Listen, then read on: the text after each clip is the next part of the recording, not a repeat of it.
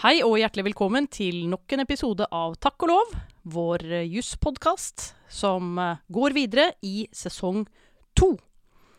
Et eh, tema som er urovekkende for mange, og ja, dessverre får vi si antageligvis urovekkende aktuelt for mange i forlengelsen av pandemiens innvirkning på folk og markeder, er konkurs.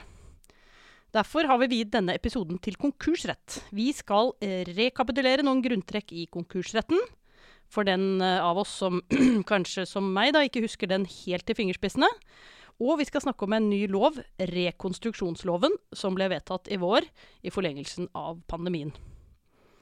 Eh, Hva er egentlig rekonstruksjon, spør du da kanskje? Det jo, gjorde iallfall jeg. Eh, la meg derfor rekonstruere. Denne ordningen erstatter dagens ordning med gjeldsforhandling, fordi gjeldsforhandling ble så lite brukt i praksis. Du husker kanskje ikke helt hvordan gjeldsordning funker heller? Fortvil ikke, alt dette skal vi straks få svært kompetente og pedagogiske svar på. Men altså innledningsvis, justisminister Mælands poeng med denne nye rekonstruksjonsloven, det var altså å redusere antall konkurser og få på plass en mer effektiv ordning for å avhjelpe gjeldsproblemer og videreføre levedyktige bedrifter. Likevel, nå etter at loven ble vedtatt, eller siden pandemien tiltrådte, så er vi oppe i ja, jeg vet ikke, kanskje 3000 konkurser eller noe sånt. Eh, ikke så langt unna, i hvert fall. Men bare åtte rekonstruksjoner. Hva skyldes det? Til å belyse disse spørsmålene, eh, som jeg overhodet ikke kunne informert dere om eh, på egen hånd, så har vi heldigvis fått med oss eh, advokat og partner i Hovin, Ellen Skjult Ulriksen. Velkommen hit, Ellen. Tusen takk for invitasjonen. En er glede å få være med. jeg er så utrolig glad for at du ble med. Vi uh, har jo ikke sett hverandre siden vi jobbet sammen i uh, advokatfirmaet Skjøtt i 2003. Det er jo faktisk 17 år siden. Det skulle man ikke tro, når man ser hvor utrolig vakre og unge og lovende begge vi to fremdeles er. Helt enig. Ok, uh, Ellen, de som ikke kjenner deg fra før. Du er altså eh, kandiur fra Universitetet i Oslo. Du har i tillegg til å være skjøtt, så har du vært dommerfullmektig i Oslo skifterett og byskriverembete. Du har vært eh, lenge i advokatfirmaet Thommessen, og så i advokatfirmaet Hovin, der du nå er noe som sjelden som en kvinnelig partner. Eh, du leder avdelingen for insolvens og restrukturering der, er tilknyttet Oslo byfogdembete som bostyrer, og har bred erfaring, må vi si. Eh, vi skal komme tilbake til hvor bred. Det er, det er rett og slett litt mind-boggling. Eh, med å bistå selskaper og kreditorer med finansiell restrukturering, sikring av kreditorinteresser og andre insolvensrelaterte problemstillinger. Vi prøver jo alltid å finne frem en fun fact om gjestene våre. Eh, og eh, da har jeg da fått beskjed fra en felles venn av oss begge to, som eh, han er veldig glad i oss begge to. Eh, hei, du vet hvem du er. Eh, vi gleder oss til å se deg snart. Eh, han sier Ellen har ofte med seg en bærbar diskokule når hun skal på fest. Er, medfører dette riktighet? Ja, det er faktisk helt riktig. Så det er ikke noe du vil liksom synes er pinlig og vil ljuge deg litt vekk fra det? Jo, men eh, det skal sies at eh, en kollega av meg er veldig opptatt av å finne morsomme partygadgets. Eh, og hvert år så bestiller han eh, gjerne rett etter sommeren eh, fra Kina noen gadgets vi kan ha til uh, julelunsjen vår. Eh, og da var denne mobile diskokulen et av høydepunktene et år, og den, eh, den har jeg bestilt mange av. Ja, så det, du har, det er ikke bare én. Du har liggende på alle dine steder, så du raskt kan ta den med deg Ja, hvis du dukker opp jeg på fest. gir den bort i gave når jeg skal komme på middag osv. Den, er- den, er- den er veldig bra. Det skal sies at eh, eh, noen fullmektere og faste advokater reagerte litt grann da jeg sto på det årlige konkurskurset. Um, eh, Hvorfor i- heter ikke det konkurset? ja, det er veldig rart. det er veldig godt poeng. Yes. Eh, hvor jeg hadde en ganske eh, hva skal jeg si, intens faglig samtale eh, på denne nattklubben vi var på, eh, med en annen konkursadvokat. Det var en heftig diskusjon hvor Da diskuterer dere utelukkende konkurs, håper jeg. ja, ja, det, ja, ja. Ja, konkurs. eh, og da hadde jeg denne diskokulen på telefonen min, eh, som snurret rundt i baklommen min, og det tror jeg var et ganske spesielt syn. Det kan jeg eh, Vet ikke helt om jeg klarer å se det for meg, faktisk, når jeg selv har prøvd litt nå. Men uh, dette er veldig bra. Da vet vi det uh, hvis De som syns det blir litt kjedelig å ta med en flaske vin eller blomster, tips til dere ta med en mobil diskokule neste gang dere skal i middag. Ellen, jeg vil anta kanskje at denne våren og sommeren eh, Jeg vet ikke, Har du i det hele tatt hatt ferie? Har vært ganske travel for deg? Ja, jeg vil si at sommeren eh, var, eh, var travel. Den var jo det. Det smalt for mitt vedkommende da tingretten ringte, eller Oslo byfogdembete ringte, idet vi omtrent skulle reise av gårde. Og da var det et stort oppbud. Et, Når er vi i tid nå, omtrent? eh, 24. juli. Ja. Og da var det et ganske stort selskap som har eh, operative datterselskaper i hele verden. Som ble tatt under konkursbehandling. Og da er jo min jobb å realisere verdiene til det konkursrammede selskapet. Og det innebærer jo egentlig at jeg skal realisere verdiene i, altså, i aksjene. Eh, altså datterselskapene, rett og slett. Og når de er i Kina, India, Mexico, Ukraina og USA, så blir det ganske hektisk og mye å sette seg inn i, og ikke minst eh, eh, krevende tidsmessig, da. For du er en slags sånn bomor? Du sitter oppe i morselskapet Ja, og i det tilfellet er jeg vel det. Mor. Ja, bomor er jeg Ja. vel egentlig da. Eller morbo. Jeg vet ikke hva det riktige Ja. faglige uttrykket Ja. er. Så det var egentlig deler av sommeren, eh, i tillegg til de løpende restruktureringen som er pågående. Men jeg vil jo egentlig si at våren var jo den mest hektiske jeg noen gang har opplevd. Fortell om noen av de sakene du måtte håndtere, da. Ja, altså, eller situasjonen var egentlig så, så annerledes enn noe vi har, har opplevd. For det, i tillegg til å ha på en måte ordinær restrukturering som er vanlig og pågående, eh, i gode og dårlige tider for så vidt. Og det du gjør da når du restrukturerer i gode tider, hva er det? Nei, altså det vil alltid, selv i gode tider så vil det alltid være selskaper som ikke eh, klarer å overleve, eller selskaper som ikke tjener nok penger til å betjene gjelden sin. Ja. Og da må man gjøre noe med den gjelden, eh, hvis selskapet for øvrig er levedyktig. Altså at de kan på sikt, hvis de klarer å rette opp kapitalstrukturen sin, få ordnet gjelden, klare å tjene penger.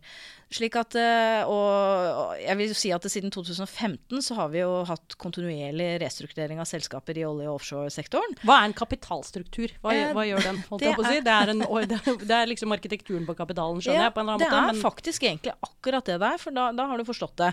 Da er det på en måte hvordan er dette selskapet kapitalisert? Er det egenkapital? Har de lånefinansiering? Hva slags lånefinansiering har du?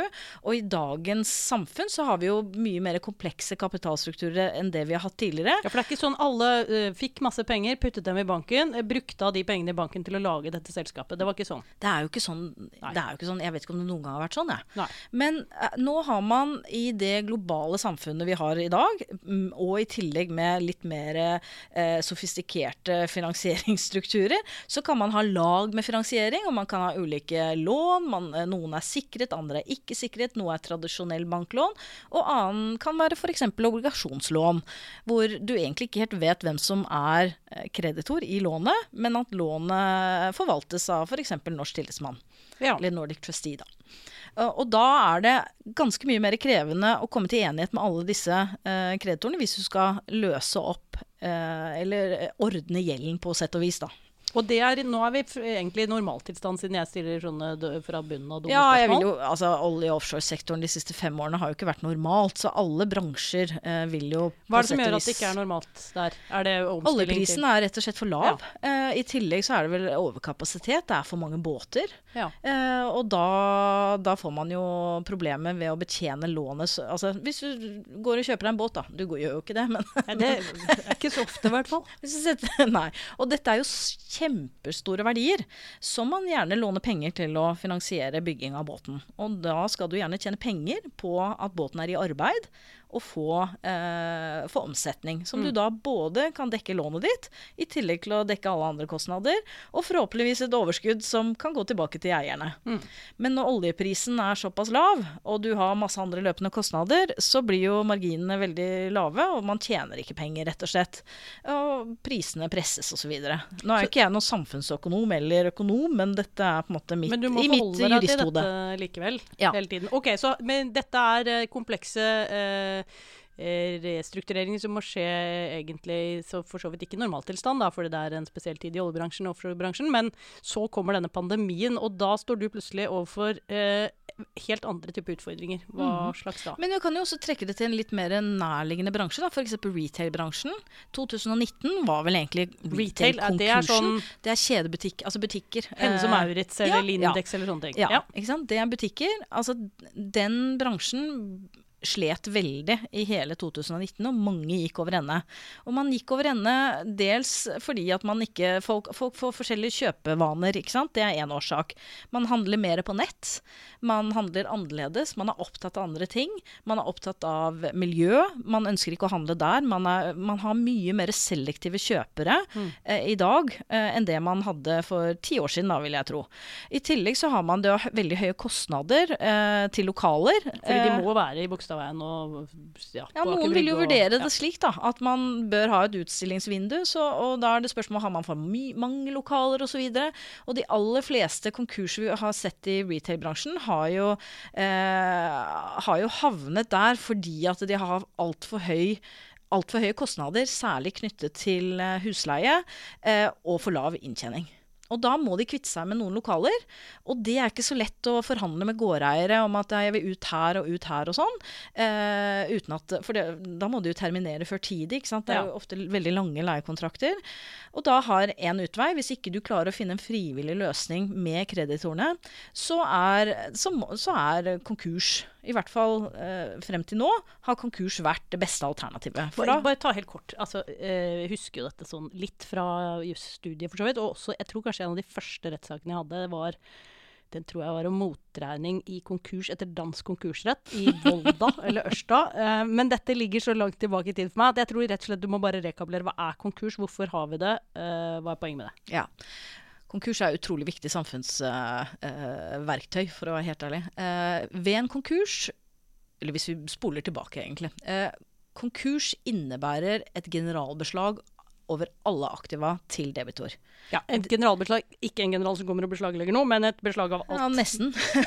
ja, det er deg, det. Bostyrer. Bomor, var det ikke Bomor. det vi var enige om? Bomor.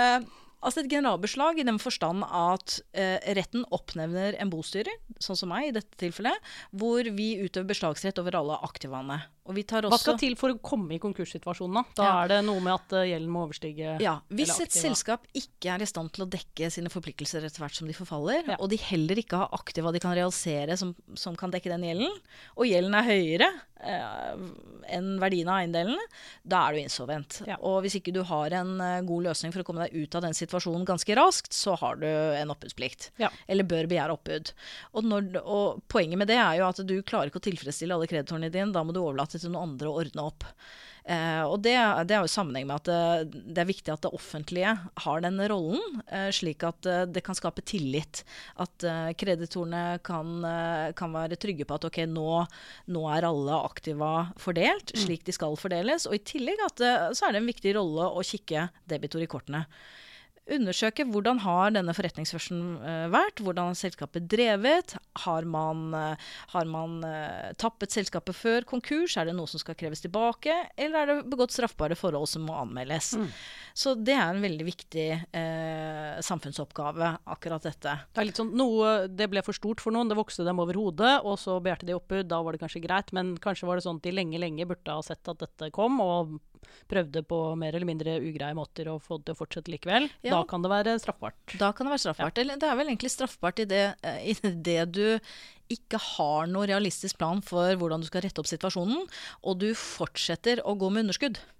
Så vi, for hvis du da fortsetter etter at du på en måte er insolvent, og egentlig går med underskudd, så driver du for kreditorsregning. Ja. Og det er jo det som er straffbart. Sånn du krita godteri um, i den tro at du kom til å få uh, Du vet at du ikke får ukelønn neste uke? Du visste at du ikke kom til å få ukelønn neste uke, for du hadde bølla så fælt? Ja. ja. Så da er du Det er den situasjonen. Det er et veldig okay. godt eksempel. Ja. det er ikke alltid det er akkurat sånn i dine konkurser, antar jeg. Men OK, så det er konkurs. Mm. Eh, hvordan, eh, hva skjedde eh, med denne pandemien? Da ble det plutselig veldig vanskelig for veldig mange, fordi hele verden så helt annerledes ut. Markeder så helt annerledes ut. Menneskene oppførte seg helt annerledes. Alt ble helt utrolig annerledes. Ja, det var helt Det var eh, det var en veldig spesiell situasjon, for det var egentlig slik at noen skrudde av lyset, dro ned rullegardinen, og så vet vi ikke egentlig når lyset ble skrudd på igjen. Ja, det, er ikke, sånn. det, er fremdeles bare demring, er det det? Ja, det er litt uklart, rett og slett. Og det er jo egentlig det som er så spesielt, er at eh, sunne virksomheter, eh, og usunne, virksomheter med lave marginer osv., lav inntjening, ble plutselig tvunget inn i en situasjon hvor, hvor de får null inntekter. Ikke bare litt inntekter, men null. Samtidig har de løpende kostnader som skal dekkes. De har lønn, de har husleie, de har skatter og avgifter osv. Slik at akkurat i forkant av pandemien så så vi jo dette, at uh, noe kommer til å skje. Men vi var ikke klar. Vi klarte ikke å, vi klarte ikke å se eh, omfanget av det. Nei, Det hadde jo vært litt utrolig hvis det bare var konkursbransjen som klarte det. For det var jo ingen andre som klarte det heller. men det andre er at det, det, som er viktig når du skal redde selskaper, eller, eller ønsker å komme ut av en vanskelig økonomisk situasjon, det er jo én, likviditet er jo bare alfa og omega for å kunne holde hjulene i gang. Men det andre er jo at en god restruktureringsplan må jo øh, nødvendigvis også omfatte hvordan fremtiden ser ut. Hvordan er situasjonen for kundene våre? Hvordan er situasjonen for leverandørene våre? Øh, hvordan vil markedet vårt se ut? Og det som var litt spesielt, var jo at noen markeder vet vi jo ikke om kommer helt tilbake. Nei. Vi vet ikke helt hvordan det er. Og da er det noe med hvordan skal vi da restrukturere? Hvorfor, hva skal hvordan skal man liksom redde den virksomheten? Normalt så vil jo eiere dytte inn mer penger. Men hvis de ikke vet hva som møter dem over sommeren, da, i det eksempelet, hvor mye penger skal du holde eh, dytte inn, da, uten å ha noe som helst forutberegnelighet for hva som kommer tilbake? Ja, for det hender at folk egentlig dytter penger inn primært der hvor de tenker at de kan få noe igjen? Stort sett. Ja, nettopp. Um, men, God okay. leveregel. Men da eh, eh, Gjorde det da at flere slang hendene i været og begjærte oppbud, eller? Nei, egentlig ikke. Eh, for det første så må jeg si at eh, myndighetene var veldig raske på pletten på å få på plass eh, løsninger. Og så syns jeg Hva slags type løsninger var det? Nei, Det var jo både statlig lånegarantiordning, kompensasjonsordning, permitteringsregler og utsettelse av skatter og avgifter. Mm. Og så virker nok de litt sånn forskjellig avhengig av hva slags type type virksomhet der. Det er ikke noe sånn one size fits all. Men vi må også huske på at eh, når man låner penger eller utsetter regninger, så skal jo det tilbakebetales på et eller annet tidspunkt. Ja, Det blir ikke borte. Det blir jo ikke borte. Nei. Og så når kommer det tilbake, da? Eller altså, når, når kommer inntekten din tilbake, da? Og hvor mye kommer du til å tjene? Det er jo for mange kanskje til i dag ganske uklart. Så det var, en, eh, var det en, si, en, treghet eller en mer sånn eh, avventende situasjon ja. da i begynnelsen? Ja, jeg tror vi opplevde egentlig en sånn massiv, massiv eh, eh, storm av telefoner i form av hva gjør vi nå? Mm. Og det er ikke så veldig lett å, å Dere kunne ikke være spåmenn der heller, nei? nei? nei? det er vanskelig å være spåmenn, men det, vi måtte jo hjelpe i form av at nå må man virkelig sette seg inn i hva er hva er vår egen økonomiske situasjon? Hva er vi avhengig av? Hvor, hvor mye cash har vi? Altså, hvem, hvordan skal vi bruke den cashen vi har nå, og hvor lenge varer den? Mm. Så det å sette opp uh, likviditetsbudsjett, som ikke bare ett eller to, gjerne tre og fire, og styre etter det som er det verste, var jo egentlig litt sånn uh, var jo egentlig en pekepinne, da. Mm. Fordi at vi ikke visste hvor lenge det var vare. Og så var det jo Så jeg opplevde vel egentlig at mange var avventende i forhold til det å selv gå og begjære oppbud, men i noen situasjoner så var det helt opplagt at det var det eneste riktige å gjøre. Og det var jo kanskje særlig i retail-bransjen. Og under den perioden så, så hadde vi flere eh, kjedebutikker, altså kleskjeder, under konkursbehandling, hvor vi hadde henholdsvis 30 og jeg tror det var 12, 12 og 30 butikker i forskjellige kjeder. Eh, og som bostyrer da, så er du jo litt usikker på om du har den samme kjøpervilligheten når du skal ut og realisere dette. ja, for alle, når alle holder på med det samme, så blir det ikke så mange igjen til å kjøpe opp, nei? Nei, altså hva, villigheten Altså når du står der i mars, da. Og du vet at butikken er stengt, og det er litt uklart. Det, det begynner med gjenåpning, mm. men du vet egentlig ikke helt hvordan den gjenåpningen om den vil vare. Nei. Det var jo en av problemstillingene i det ene boet vi hadde.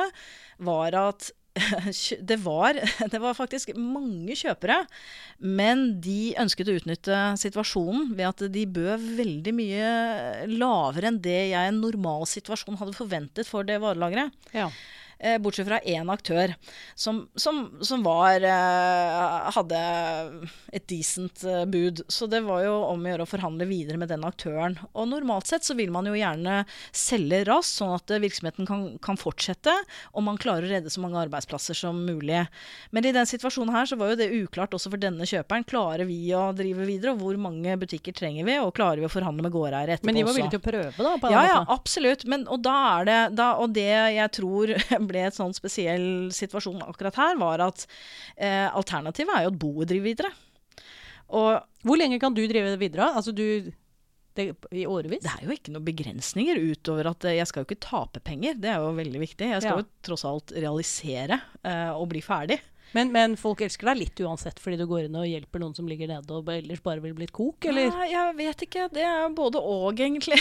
altså, vi prøver jo Du føler deg ikke alltid så elsket? Nei, altså jo, Hva skal jeg si. Når, når det åpnes konkurs, så er det jo på en måte Da noen skrudd av lyset, egentlig. Mm. Slik at uh, vår jobb er jo å få maksimalt ut av de verdiene som er der, og fordele de på kreditorene. Det er en situasjon som vi som ikke er så inne på dette, leser i avisene, og så, uh, så lever vi med folk som er enda mindre inne på dette enn oss, og så sier de men det er da helt urettferdig at de som gikk konkurs, kjøper opp konkursboet sitt etterpå selv. Hvordan henger det sammen? Jo, det henger sammen med Da må vi egentlig spole tilbake til ok, hva er en bostyrers oppgave? En bostyrers oppgave er å realisere de verdiene der og sikre høyest mulig dividende til kjøpere, nei, til kreditorene. Um, og når du gjør det, så er du ikke opptatt av å ekskludere eh, kjøpere. Og ofte så vil jo eiere være i best posisjon til å kunne videreføre denne virksomheten. For de kjenner den fra før. Og De kjenner den fra før av. De vet forhåpentligvis hva som gikk galt. Eh, og de kan kanskje rette på det når de får en ny sjanse til å drive videre. Men noe av det absolutt viktigste er jo at eh, for å redde flest mulig verdier, så er det en, em, en videreføring av den altså den gamle virksomheten, viktig. Ikke slakte varelageret og selge litt der, selge der, men rett og slett å få kjøper også til å drive samme type virksomhet videre, men i en mer nedregulert skala. Han tar med seg kanskje 50 av 100 ansatte. Det er jo det som skaper verdi. Det er veldig nyttig for boet også, fordi at når 50 ansatte blir med videre, så reduseres kravet av klasse 1, fordi at de krav De vil jo ikke ha krav i boet på lønn i oppsigelsestid. Det er jo da dekket av kjøpet, for de går jo rett over i en ny jobb. Og samtidig da, de verdiene vi får ved salg av et varelager da, vil jo da gå direkte til de uprioriterte kreditorene hvis skatt og avgift allerede er dekket.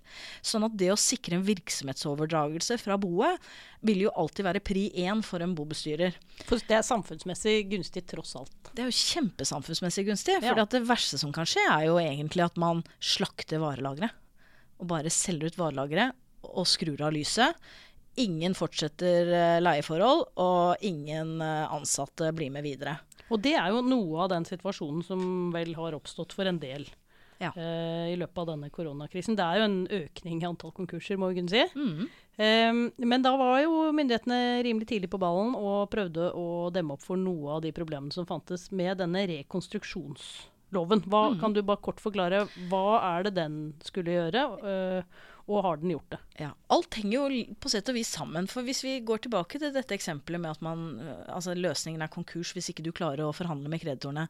Altså, Den beste løsningen vil alltid være å forhandle med kreditorene sine og få en enighet hvor alle blør litt, da. Ikke bare én, men alle blør lite grann.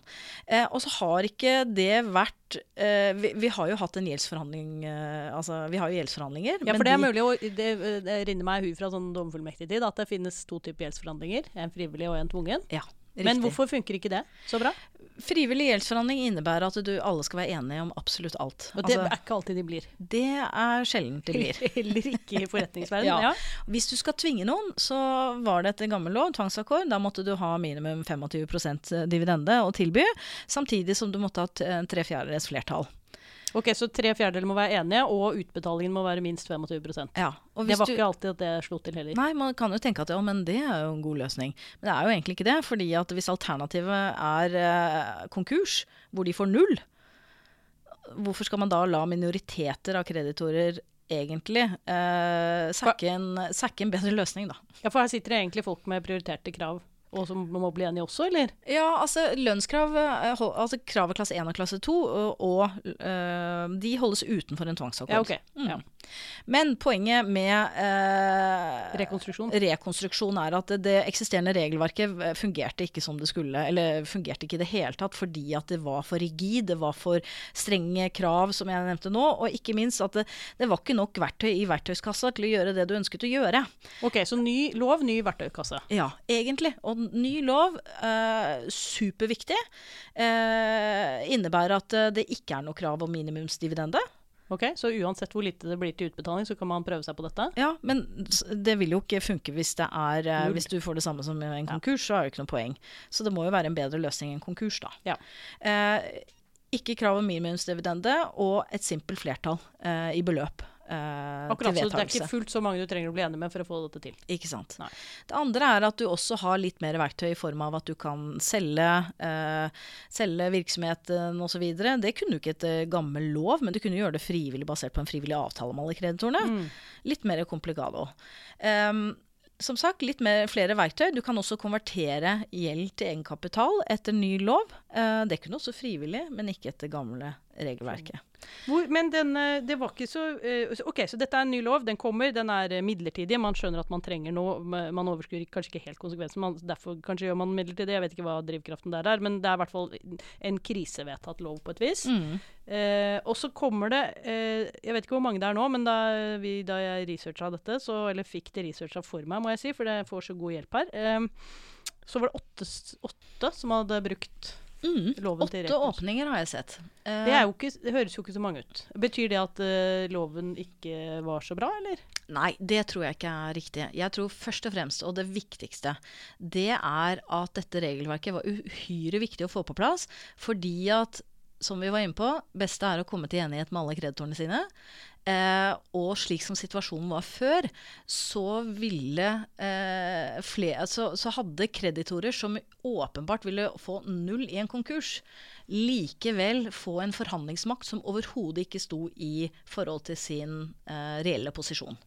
Ok, Så du, denne loven kommer egentlig inn og endrer forhandlingsposisjonene? Ja, eller kanskje, kanskje den endrer maktforholdet, fordi at i de restruktureringene vi har vært vitne til nå de siste fem årene, så er det eh, alltid ekstremt krevende å få forskjellige kreditorgrupperinger til å bli enige om hva skal utbetales, hvilke lån skal dekkes og ikke hva, og hva skal eierne sitte igjen med, osv. Altså, alle er opptatt av hvordan den kaken skal fordeles. Og da er det jo sånn, da, hvis ikke du er fornøyd med den uh, lille kakebiten du har fått, så kan du si nei, jeg vil ikke være med. Og da faller jo hele løsningen. Og det er jo et viktig poeng nå, er at det, nå er det i hvert fall Reglene er jo, er jo utformet sånn, i hvert fall foreløpig, at det kan endre dynamikken i de forhandlingene. For da er det ikke bare eh, helt Alle vil jo tenke at det er helt urealistisk at selskapet sier at vi blir ikke enige nå, så må vi, da begjærer vi gjeldsforhandlinger absolutt enhver kred, profesjonell kreditor visste at det kommer jo ikke til å skje. Nei, så du, egentlig du endrer debatten, da. Er det ikke det du gjør? Eh, Best alternative to a negotiated agreement. Ja, du i hvert fall drar ned den der holdout-valuen, da. Se der er vi. Jeg må bare nok en gang utstede en disclaimer til Språkrådet. Det viste seg at det ble en del engelske uttrykk også i denne episoden av podkasten. Men, eh, men det, er, eh, det skjønner jeg, det er på, på vei inn i, i legal-bransjen vår. Så det må vi bare forholde oss til. Sånn er det. Ja. Men jeg tror i hvert fall regelverket er veldig nyttig, fordi at da har du et realistisk alternativ. Det er ikke bare sånn eh, tulletrussel. Men Så det er det viktigste. Så ok, så det er bra. Eh, Det, vi kan ikke bare se på tallene her. Det, kanskje er det sånn at eh, den har bidratt til mye positivt, selv om det har vært få åpninger. Ja. Og så tror jeg at det er litt sånn kunstig lav eh, konkursstatistikk akkurat nå. Oi, Jeg- det, det burde vært flere konkurser. Eller det Ja, kunne vært flere konkurser hvis den loven ikke hadde vært her. Nei, jeg, jeg vet ikke om det har noe med loven å gjøre. Det tror jeg har noe med den generelle eh, situasjonen å gjøre. Den usikkerheten som er der. Jeg tror at eh, Er det fordi man har støtteordninger i denne situasjonen? Ja. Permisjonsregler? Ja, jeg tror det. Jeg tror at uh, mange virksomheter har fått uh, kompensasjon, noen har lånt. Uh, det er for tidlig å si hvor, hvilken effekt det har hatt, men jeg tror jo også at det er flere som kanskje burde ha eller vært under konkursbehandling tidligere, da, så kan vi jo man si at det, her har jo skatteetaten og Kemner var jo innga ikke begjæringer eh, i en periode. Og så tror jeg klimaet mellom kreditor og debitor er litt endret. Jeg tror at det er mer tålmodighet nå for å se, se an situasjonen. Eh, enn det det har vært tidligere. Pandemien som et klimatiltak, ja, egentlig. Faktisk. Ja, Bedret klima. Meget mellom. godt Ja. sett. Men OK, eh, det er jo veldig interessant, for det er jo ikke så lett å skjønne ut av disse tallene. Men du, du understreket jo i sted at du ikke er samfunnsøkonom. Jeg må si at jeg har lært, eh, fått flere tanker om samfunnsøkonomi gjennom denne samtalen enn jeg ofte får eh, med, på forelesninger og lese om sånne ting selv. Eh, så jeg tror du har noen tanker om dette likevel. Er det dumt eller bra? Nei, jeg tror det er veldig lurt, jeg. Ja. Selv om det, jeg har sett at det er skrevet at det- er kunstig åndedrett osv. Jeg tror det er riktig. Jeg tror det er viktig fordi at eh, særlig i den situasjonen vi var i i våres og mot sommeren, så så i hvert fall jeg for meg at her er det veldig mange som kommer til å gå konkurs hvis ikke de får hjelp eh, eller får utsatt eh, regninger osv. Eh, og går de konkurs, så er jeg jaggu ikke sikker på at vi klarer å redde så mange arbeidsplasser som vi i en normal situasjon ville fått. Kjøpelysten er lavere, det er færre som er villige til å starte opp den virksomheten eller samme type virksomhet videre, og da er det færre ansatte som får reddet jobbene sine. Da.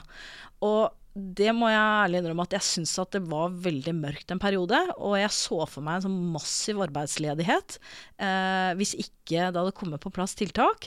Em, og det er fryktelig. Eh, ikke bare samfunnsøkonomisk eh, høl i huet, men eh, ikke bare de sosiale eh, sosiale konsekvensene av det. Ja, for Eh, det, er, det er åpenbart ikke noe nullsumspill at man eh, Nei. betaler ut noen tiltakspakker og forskjellige ting i den ene enden for å holde noen bedrifter som kanskje ellers ikke ville overlevd i live, Ja. Versus at eh, de går konkurs og arbeidsplasser går tapt og folk må begynne på et, arbeidsledighetstrygd. Ikke sant? Og jeg har jo tenkt at Ikke ha noe jobb å gå til. Ja. Og, ja. Og der har jeg i hvert fall tenkt at hva, da er det bedre å sende litt mer penger til virksomheter som eh, kanskje ikke var levedyktige i denne perioden, enn å ikke gjøre det. Fordi at eh, da ville akkurat de samme menneskene gått over på arbeidsledighetstrygd, kontra at man egentlig nå subsidierer virksomheter som det kan stilles spørsmål ved om er levedyktige.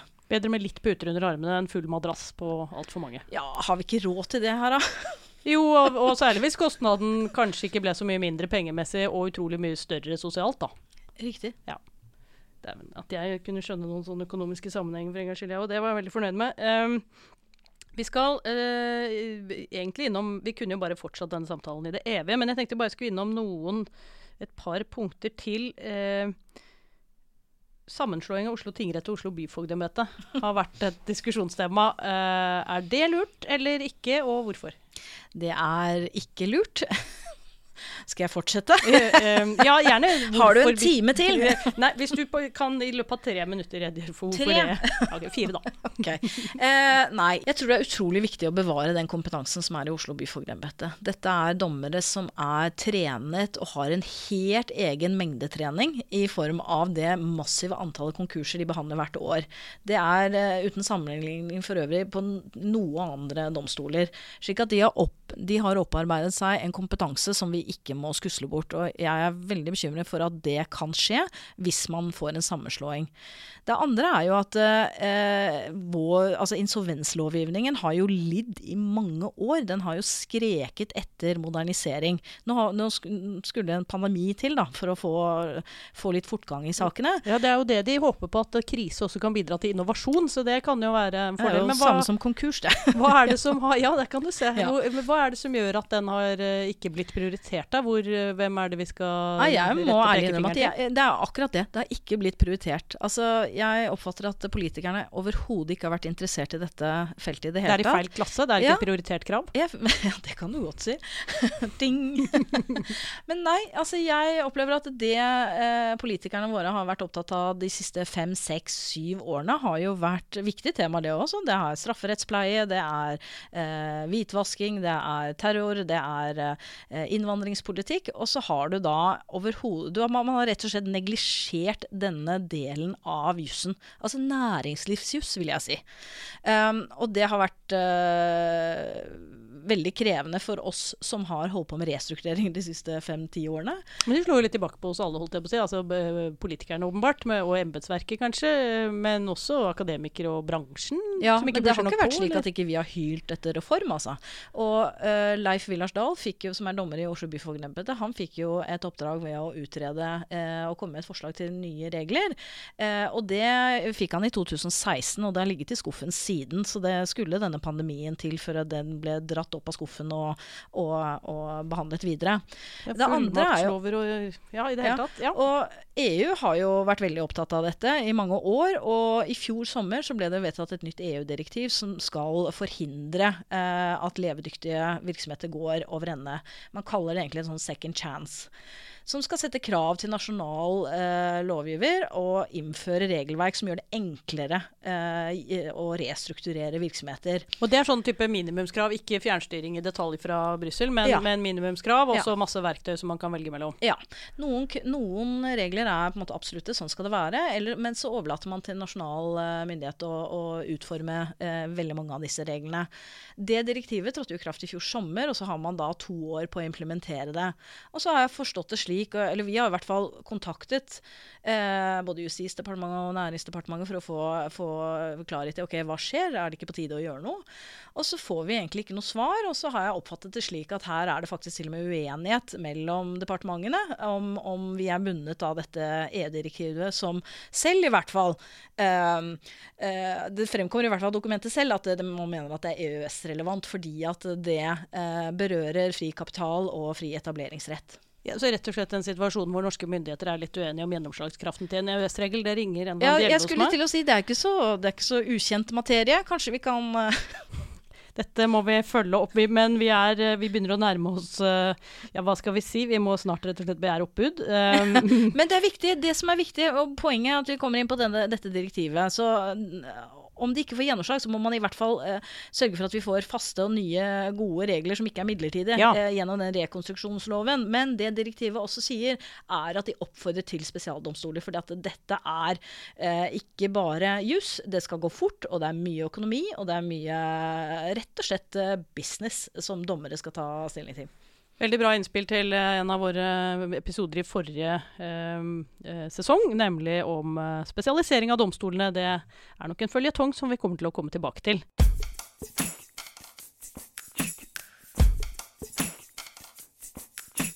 Kjære takk og lov-lytter, velkommen. Her sitter Sturla Blank Torkelsen fra Universitetsflagget. og Torbjørn Buer fra JUS, Juristenes utdanningssenter. Konkurs er jo et praktisk fag, og man hører jo de rareste historier fra, fra dem som jobber mye med det. Mm. Dette må jo være et eh, tema som passer, seg, passer ypperlig som eh, kurs. Det passer ypperlig som kurs. F.eks. restrukturering, som Ellen og Anine snakker om i poden i dag. Det blir et hett tema på det årlige konkursrettsdagen 29.10. i Oslo. Og så må jeg jo si det, og det er jo med litt glede, at det er faktisk fullbooket.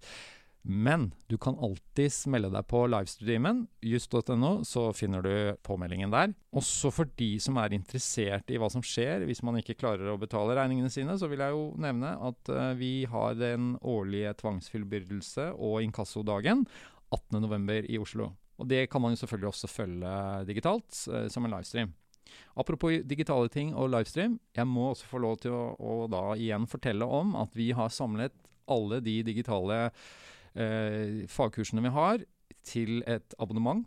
Så du får tilgang til eh, hvis du går inn på just.no, og så finner du det og melder deg på. Og der er det over 100 timer med undervisning over et bredt spekter av rettsområder. Jøss, det hørtes spennende ut.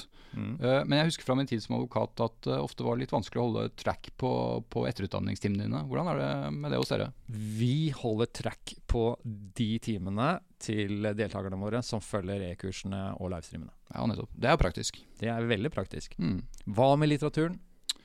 Jo, innenfor konkurs så har vi jo en masse, og på Juridika så vil du få opp eh, mange treff hvis du søker på konkurs. Mm. Eh, Men jeg kan trekke frem noen høydepunkter. Du vil kunne lese en eh, lovkommentar til konkursloven av Knut Ro og Håvard Viker.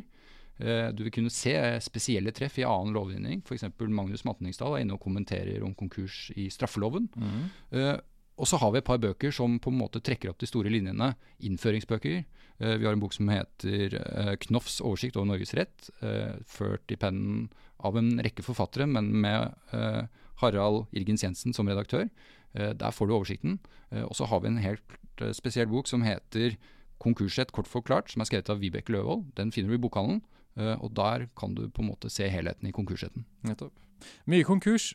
Men da må vi også si det at eh, Sturla, det er ingen fare for at denne podkasten kommer til å gå konkurs. Jeg kan- jeg er trygg på når jeg lover at vi er ikke konkurs i neste episode. Nei, vi fortsetter. Og vi håper også at du vil fortsette med å skrive inn temaer, eller pitche inn folk du har lyst til å høre Anine snakker med. Eh, på e-postadressen juspost at juss.no, eller Så kan du gå inn på Juridika og, og ta opp chatten og legge igjen en beskjed der til oss, så, så får vi det med oss. Ikke sant? Mm.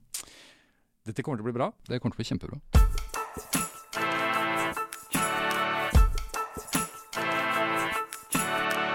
Eh, Vi nærmer oss slutten, Ellen. Eh, Hodet mitt er helt fullt, og det er bare positivt ment. Eh, Jeg får så mye nye tanker av disse samtalene, så for meg er dette utrolig utbytterikt iallfall. Eh, Vi pleier å invitere våre gjester til å fortelle en historie, så dele en historie med lytterne.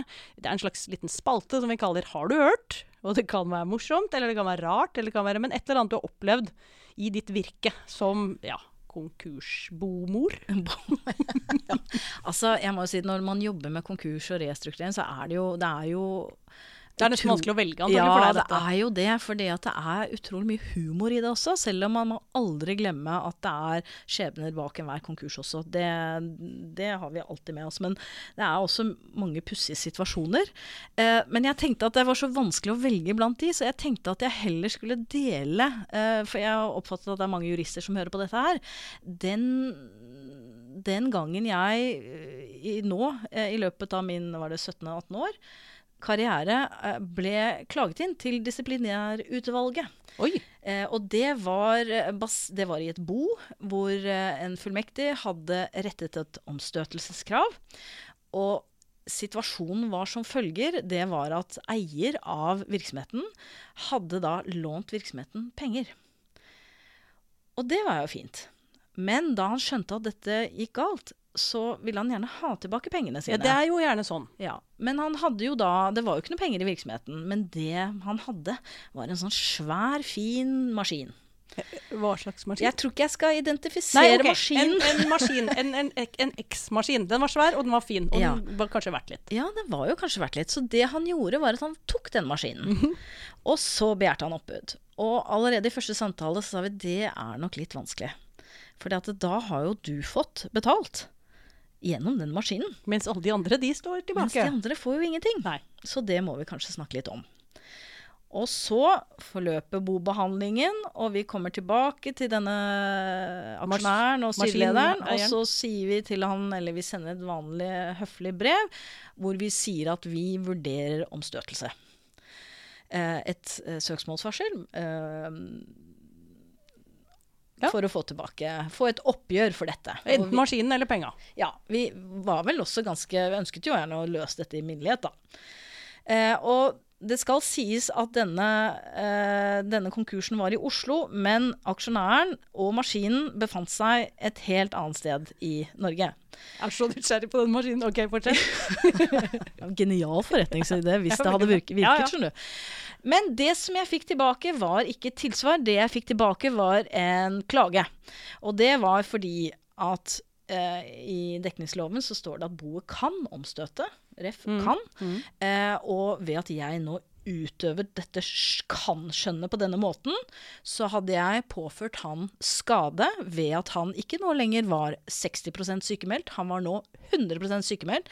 Så derfor så mente han at jeg og min fullmektige eh, hadde opptrådt i strid med straffelovens 229 med grov legemsbeskadigelse. Såpass. Ikke bare en krenkelse, sånn som er blitt moderne i dag, men en grov legemsbeskadigelse. Og jeg har aldri møtt mannen, bare så det er sagt. Men eh, jeg syns jo egentlig at det var utrolig kreativ juss. Altså, jeg tror det er første gang jeg har hørt om grov legemsbeskadigelse in absentia, altså per brev. Det er Med mindre man fyller rare ting i det brevet, kanskje. Ja, ja. Men vi svarte på klagen, og den ble jo heldigvis uh, ikke tatt til følge. Du ble ikke dømt i disiplinærnemnda, Det, jeg og, gjorde ikke det. og Men- historien gikk videre som en god historie likevel. Det gjør jo det. Ja. Så jeg syns jo det av eh, alle ting vi møter, uh, så syns jeg på en måte det var kanskje den mest kreative jussen jeg noen gang har vært borti, og det fortjente egentlig en liten uh, Ja, så Aha. en liten hilsen rett og slett der. Ikke så gøy å bli innklaget til disiplinærnemnda, men tross alt ble en såpass god historie at vi regner oss som skuls på dette punkt. Meget godt. Tusen takk skal du ha, Ellen. Dette har vært en forrykende samtale. Jeg eh, eh, har i hvert fall lært eh, veldig mye. Ikke bare om juss, men også fått noen flere tanker om samfunnsøkonomi. Så du får bare ta med deg det. At du, du bidrar i hvert fall til at andre blir litt klokere på det. Det er jeg veldig glad for. Ja. Da gjenstår det bare å si tusen takk for i dag, og ønske lytterne våre velkommen tilbake i neste uke til nok en episode av Takk og lov.